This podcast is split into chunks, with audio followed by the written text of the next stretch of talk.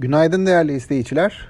Dün ABD 10 yıllık tahvil faizinin hızlı yükseliş sonrası bir miktar gerilediğini izledik. Piyasalarda mevcut 1.50-1.60 aralığındaki seviyelerin istikrar kazanacağı beklentisi de e, güç kazanmaya başladı.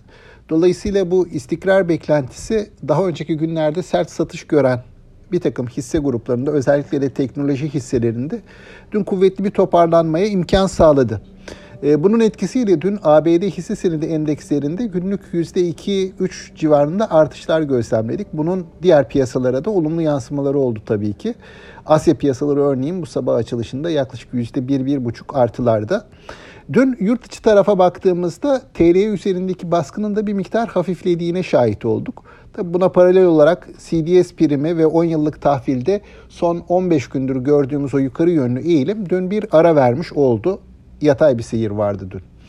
E, yurt dışı kaynaklı olarak dengelenen bu tedirginlik e, bizde de özellikle havacılık ve petrokimya hisselerine alım getirdi. E, tabii ki beklentiler dolayısıyla Covid-19'dan kurtulacağız e, beklentisi burada hakim oluyor. E, bu yükseliş olumlu yansıdı endekse ancak diğer taraftan banka hisselerinde yabancı çıkışları da devam etti. Bu yabancı çıkışının devam etmesi de endeksin yükselişini büyük ölçüde sınırladı. Bu sabah yurt dışına baktığım zaman temkinli iyimserliğin korunduğunu gözlemliyorum. BIST 100 endeksi de dünkü yükselişler sonrası Ocak'tan bu yana aşmakta güçlük çektiği 1550 seviyelerine yeniden gelip takılmış bulunuyor. Biliyorsunuz bu seviyelerde uzunca bir süredir yatay bir hareket var ve kuvvetli bir haber akışı olmazsa yukarı yönlü bir kırılmanın şimdilik güç olduğunu düşünüyorum.